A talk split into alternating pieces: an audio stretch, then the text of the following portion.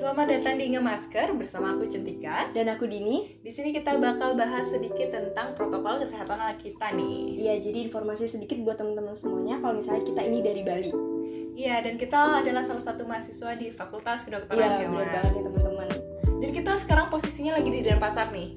Belakangan ini kerasa banget gak sih kalau misalnya bener-bener jalan-jalan tuh udah mulai sepi, mulai malam tuh udah sepi banget, terus toko-toko juga udah banyak tutup. Iya, itu karena di Bali sendiri itu lagi ngejalanin PSBB. Selain PSBB juga ada PPKM sih? Iya, jadi beberapa peraturan untuk pembatasan kegiatan masyarakat saat malam hari. Iya, jadi di setiap daerah di Bali itu punya peraturannya sendiri-sendiri. Nah, contohnya kalau misalnya di Denpasar nih Centika jam 8 malam itu toko-toko udah harus pada tutup. Iya dan kerasa banget karena waktu itu aku pernah kan. Jadi aku harus keluar ngobatin hewan.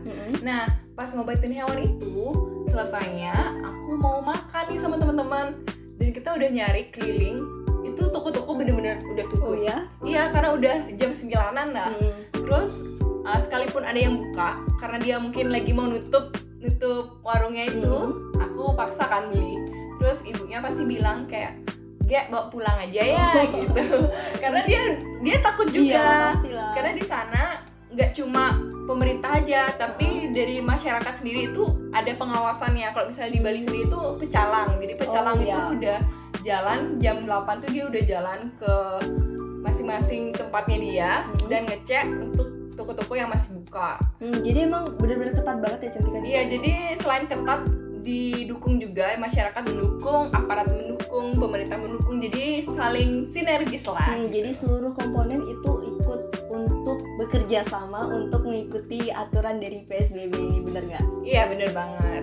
Selain PSBB yang berujung sepi di Denpasar khususnya, Hmm. ini juga berdampak banget sama kita nggak sih? Iya, anak anak kuliahan. Udah nggak bisa ke kampus, Iya, bener-bener dibatasin semuanya full Iya. online.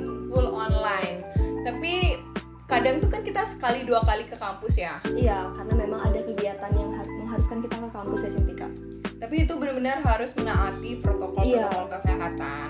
Dan waktu itu sempat dibahas tentang 3M itu nggak sih? Iya 3M. Pokoknya dosen-dosen tuh udah ngingetin untuk melaksanain 3M. Mm-mm, jadi awal-awal itu kita sempat bingung, hah 3M itu apaan? Iya, karena Gitu. emang udah nggak pernah denger Iya, pernah denger sih waktu, Waktu SD, SD, SMP, SMA. Kalau misalnya ada pelajaran olahraga biasanya itu kita dikasih tahu 3M itu tentang mencegah demam berdarah. iya, mengubur yang kayak gitu-gitu. Ya, menutup, Mm. menguras. Jadi kita mencegah adanya penyebaran nyamuk. Mm-mm. Ternyata di PSBB, kok di PSBB sih? Di pandemi Iya, di COVID-19 pandemi, heeh. ini juga ada istilah 3M. Iya, itu memakai masker, menjaga jarak, dan yang terakhir mencuci tangan. Nah, syukurnya nih, kegiatannya dari semester 2 ya kita Iya. online sampai semester 3 Nah di semester 4 ini karena mau nggak mau mengingat jurusan yang kayak kita juga dokter Iya. hewan Iya, kan nggak mungkin jadi dokter online kan? Iya kayak ya ampun sedih banget kalau bisa jadi dokter online ya Iya. sih Nah ada satu matkul lah yang mengharuskan kita untuk kegiatan praktek Mm-mm. langsung Mm-mm. Nah, tapi itu juga kita harus pakai protokol kesehatan. Ya harus menggunakan 3M itu. Mm. Padahal nih ya, pas udah mau ketemu langsung kan sama teman-teman karena emang offline kan satu Mm. matkul ini itu pingin banget rasanya untuk sapa-sapaan sambil Iya. peluk kayak gitu Karena karena emang udah jarang ketemu iya udah kangen banget Mm-mm. tapi bener-bener nggak bisa karena harus jaga jarak Iya, itu itu juga demi kesehatan kita sendiri. iya nggak cuma kesehatan kita juga tapi itu berdampak juga ke orang lain Mm-mm, khususnya benar banget. selain menjaga jarak itu masker benar-benar harus ketat banget Hmm. juga kalau misalnya mau masuk lab masker Iya, nggak masker boleh lepas. utama nggak boleh lepas walaupun udah kadang tuh di lab itu kadang kepanasan nggak sih Iya, kayak sumpah. sumpah gitu kadang kan pingin banget lepas masker tapi nggak boleh benar Iya. seketat itu Dan juga kadang sekarang itu memang masker itu udah jadi bagian dari kita nggak sih Cinta? iya masker itu aku banget sih Iya.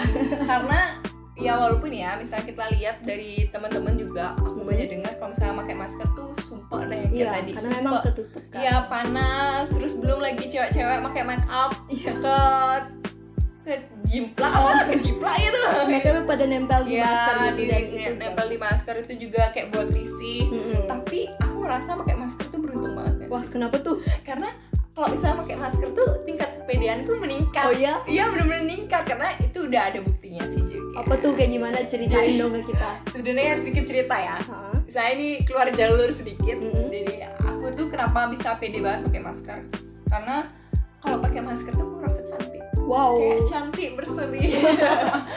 Sampai bener-bener uh, ada cowok yang deketin gitu. Oh. jadi kayak makin lama makin suka Hmm. dia pakai masker. Dan emang kebiasaan kan terus menerus sekalipun juga nggak pakai masker pasti kerasa banget ya sih? Iya dan bener-bener beda banget nggak sih? Jadi pengalaman dari aku waktu itu sempat aku keluar kosan dan memang bener-bener lupa banget pakai masker dan itu orang-orang pada ngeliatin aku jadi memang sesuatu yang aneh kalau Iya. misalnya kita keluar tanpa masker pasti diliatin gitu Iya. terus kita jadi awkward juga Iya, mau bener ngapain banget. gitu jadi emang kayak ngerasa bersalah banget nggak sih Iya. kalau pakai masker tapi kadang juga kalau misalnya nggak pakai masker tuh rasanya ada yang hilang gitu iya kayak hampa bener-bener udah jadi bagian dari diri Iya. sendiri itu masalah masker nih kalau mencuci tangan nih nah itu udah bener-bener harus nggak sih? Harus. Sebenarnya tanpa ada covid 19 juga kita harus benar-benar Iya. cuci tangan. Dan apalagi sekarang covid bener-bener kayak harus pokoknya. Hand Iya, sanitizer harus di tas. Ya minimal hand sanitizer. Mm. tapi walaupun masih ada hand sanitizer nih kadang kurang pas gitu loh. Iya kadang lengket gitu iya kan. kadang kayak ngerasa kurang bersih pokoknya tetap Iya. harus cuci tangan. Dan sekarang juga persediaan cuci tangan tuh ada di mana-mana. Mm-mm, di kampus kita juga udah mulai ada beberapa Iya. tempat untuk ada upgrade lah Iya, upgrade bener kampus banget. kita upgrade jadi di mana-mana ada tempat cuci tangan Uh-uh. ada sabunnya juga. Nggak cuma di kampus di depan-depan toko banyak banget juga. Iya depan Indomaret segala macam. iya dan Tosebra Torsebra apa sih? Torseba Toserba Toserba Toserba itu udah banyak eh, tempat cuci tangan. Jadi nggak perlu pusing untuk mikirin cuci tangan. Itu adalah kesadaran diri sendiri aja untuk Mm-mm. cuci tangan dan juga selain itu kadang kita sempet gini nggak sih ngerasa tangan kita kotor banget jadi emang nggak boleh megang muka nggak sih? Ya karena kayak buat kotor juga sih. Iya. dan apalagi sama covid ini emang selalu digalakkan sama pemerintah kalau misalnya kita itu nggak boleh sering-sering megang muka. Ya karena kalau misalnya megang muka tuh nggak cuma pan- uh, COVID-19 aja tapi Mm-mm. banyak bakteri juga. Iya bener banget. Kadang kan kalau misalnya sebelum ada COVID-19 kalau misalnya kita pun tangan kita masih kurang bersih Mm-mm. megang muka tuh bisa jerawatan Iya, gatel-gatel, gatel-gatel. gitu kan. dan sekarang udah dipermudah karena dibiasakan kita diharuskan untuk memakai hand sanitizer dan cuci tangan jadi hal-hal yang seperti itu bisa lebih dihindarkan lah Iya. Nah di samping kegiatan-kegiatan kuliah nih kita kan juga anak organisasi nih iya kita satu organisasi kan Iya, kita satu organisasi bener-bener kena dampaknya juga terasa. beberapa kegiatan kita harus lakuin secara online atau semi online Iya, semi online pun itu benar-benar dibatasin satu ruangan itu hanya 20 orang. Iya dan pakai masker itu tetap harus Ya, dijalankan. protokol kesehatan harus tetap dijalankan. Tapi sedih banget gak sih? Kayak ada satu kegiatan yang kita tunggu-tunggu loh, Din. Kayak aku tahu deh ini. Pasti semua orang juga menunggu Ah. kegiatan ini. Iya, pasti ospek kan. Iya, ospek adalah kegiatan untuk kita modus-modus sama adik Iya, kelas. Ajang untuk ketemu sama orang-orang Iya, baru di fakultas. benar. Itu juga kita ngelihat relasi-relasi yang baru, pemikiran-pemikiran baru itu benar-benar terbatas. Iya, Semuanya harus lewat online. Dan itu kayak nggak bisa interaksi langsung gitu loh. iya itu jeleknya sih. Iya. Susah banget. Kita pun kalau misalnya rapat-rapat itu pada online nggak sih? Iya, online juga. Jadi agak sedih sih. Heeh. Dan ingat nggak ketika ada satu kegiatan yang di mana kita itu pak eh, mengganti masker menjadi face shield. Iya, iya. Dan menurut Cetika itu kayak gimana sih? Sebenarnya kalau misalnya pakai face shield nih ya, diusahakan sekali harus pakai masker juga. Hmm, mm, mm. karena kalau misalnya pakai face shield aja tapi tetap ngomong nih sama temen-temen tetap bakal bisa kena virusnya ke orang lain gitu. Iya, mungkin droplet dari kita itu bakal nempel-nempel di benda-benda iya sekitar nggak sih? kan? Kalau misalnya masker tuh benar-benar ketutup nih. Mm-mm. satu mulut tuh ketutup. Iya. nah kalau misalnya pakai face shield tuh kan bisa terjun langsung terjun bebas gitu dia ke bawah dan ke benda-benda sekitar kita. Iya, jadi diusahakan banget untuk pakai yang face shield itu harus pakai masker juga Mm-mm, tapi sekarang banyak orang yang ternyata pakai face shield itu memang untuk fashion, nggak Iya. menutupin muka dia karena memang udah mungkin pakai makeup yang bagus kayak gitu kan. tapi sekalipun kalau mau pakai face shield aja nih ya Mm-mm. mungkin emang tujuannya nih untuk karena udah merias muka Ya. sebisa mungkin tidak berinteraksi dengan orang lain kayak gitu oh ya mungkin mengurangi untuk berbicara sama iya orang lain sebenarnya itu juga bahaya untuk diri sendiri sih juga. Iya karena emang nggak benar-benar melindungi diri iya kan? nggak benar-benar nggak melindungi diri. Saya juga misalnya kalau di kegiatan keagamaan ya kadang kan misalnya kayak nikahan Mm-mm, potong gigi. atau potong gigi itu tuh kan emang harus buka masker ya. Iya. Itu tuh nggak apa-apa tapi bener-bener itu udah nggak boleh ngomong Iya. sama orang lain ya dibatasi lah. Dan itu nggak boleh dari awal sampai akhir acara buka masker kan nggak dibatasi pemakaian. Iya hanya di kita buka di satu momen yang emang penting. Iya benar banget. Misalnya pas sunnah circle lah gitu Iya. kan harus buka masker kayak gitu Nah tadi kan Centika bilang kalau misalnya pakai facial itu juga harus pakai masker nih. Kalau misalnya dari Centika sendiri gimana sih cara pemakaian masker yang benar? Jadi menurut aku pakai masker yang benar itu yang pertama Hmm. maskernya itu harus tiga lapis tentunya kan karena kita mencegah virus untuk masuk. Nah yang kedua eh, di masker itu biasanya ada kawat nggak sih? Mm-mm, Di iya hidung itu itu wajib ada ya Hmm. teman-teman. Jadi supaya kita bisa menyesuaikan sama hidung kita kan macam-macam lah dari Iya.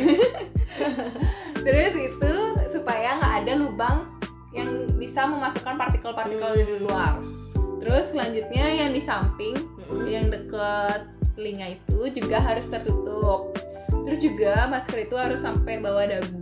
Jadi nggak ada celah untuk partikel itu bisa masuk lagi kayak gitu. Hmm, Jadi emang penting banget ya cara pemakaian masker yang benar untuk Iya. melindungi diri kita juga.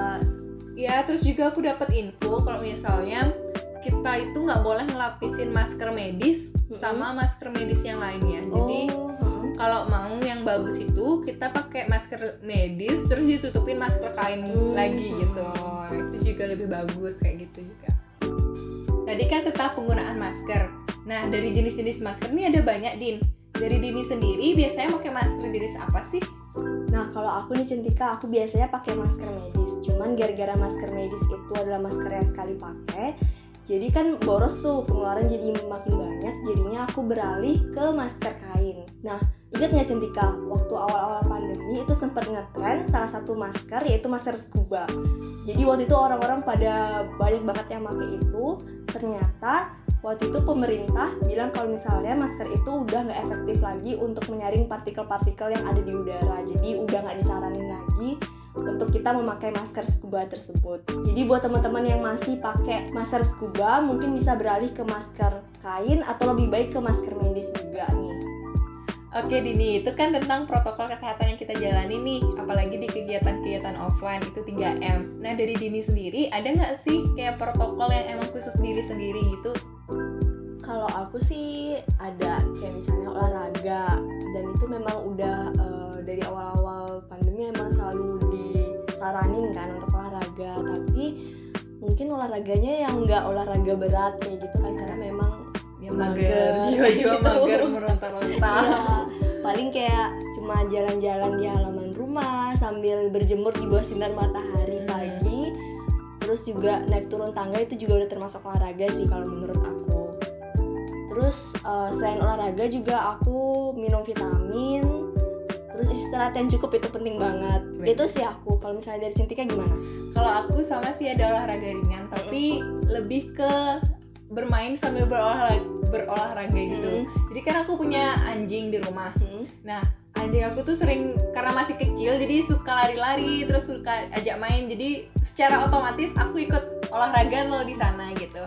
Selain itu juga hampir sama minum vitamin dan juga kalau misalnya di keluarga aku sendiri pola makannya itu benar-benar harus teratur gitu. Jadi kan kalau misalnya sebelum pandemi nih kita ke kuliah, kuliah tuh kadang cepet-cepetan ke kampus, jadi nggak Hmm. makan pagi, nggak sarapan kayak gitu. Nah di pandemi ini karena kita di rumah aja juga se- semua kegiatan di online kan, Iya. jadi pola makan udah mulai teratur gitu. Hmm. Jadi udah biasa sarapan kayak gitu. Itu juga menjaga imun tubuh kita biar lebih kuat lagi gitu. Oh iya benar juga sih karena waktu pandemi itu kan aku kan anak rantauan nih Eh, selama di kosan itu kan biasanya makannya nggak teratur. Iya. Nah selama pandemi ini eh, aku di rumah aja dan memang makanan aku cukup teratur sih Iya. karena di rumah kan. Jadi waktu itu nggak mie lagi. Iya. bener banget dan waktu itu sempet berat badan aku naik dan itu eh, sehat juga. Iya. Terus juga udah ada isu-isu baru nih Apaan tuh? tentang vaksin COVID-19 Oh, udah turun iya, di bener Indonesia. Dan juga bapak presiden kalau nggak salah memang udah mencoba vaksinnya ya Iya, orang pertama yang divaksin Iya, di Indonesia. Bapak Presiden kita Bapak Jokowi Hmm. dan disaksikan siaran langsung. iya Nonton nggak? Nonton dong pasti. ah, sempet lihat nggak nonton secara Uh-uh. langsung sih paling muncul di story Instagram Uh-uh. atau gimana di media sosial. Iya. Nah, itu kan kita dapetnya dari media sosial nih. Setelah lihat dari media sosial terus aku ngeliat juga banyak orang yang udah divaksin, terutama tenaga-tenaga kesehatan yang udah divaksin tuh di Oh, videoin kadang kan. Rasanya kepingin banget lo dapetin vaksinnya. Iya, karena kan kita memang udah bener-bener nunggu vaksinnya datang Uh-uh. dan bebas dari pandemi ini kan. Ya, kita benar-benar kepingin pandemi COVID-19 ini segera berakhir lah secepatnya. Iya. heeh. Kangen kegiatannya dulu. ya, dan dengar-dengar temennya Dini juga udah dapat vaksin ya sih? Oh iya benar banget. Jadi waktu itu cerita. Sebenarnya bukan temanku sih. Jadi temanku punya teman. Teman-temanku. Iya, teman-temanku. Jadi dia memang sudah dapat vaksin dan setelah mendengar dari temanku itu aku langsung mikir kayak aduh kapan ya aku dapat vaksin Kayak gara-gara kita nggak daftar. kok bisa jadi itu Kayak gimana kita gitu tetap daftar. nggak ngerti juga sih caranya daftar kayak gimana jadi kita berdoa aja semoga vaksinnya bisa cepat tersebar ya, secara merata. Mm-mm. Terus Dan- semua juga bisa kembali seperti Iya, normal. Banyak yang kita obrolin. iya itu jadi cerita kita selama masa pandemi ini. COVID-19 dan protokol-protokol kesehatan yang kita udah gunain. Uh-uh. 3M iya. Selalu ingat 3M iya buat teman-teman semuanya jangan pernah lepas dari 3M itu ya. Kalau bisa nambahlah 5M ada. Nambah sendiri ya. Ya nambah sendiri oke mungkin itu aja kita tutup dengan nge-masker masker itu kita banget dan jangan lupa 3M memakai masker menjaga jarak dan mencuci tangan Sampai Dadah. jumpa.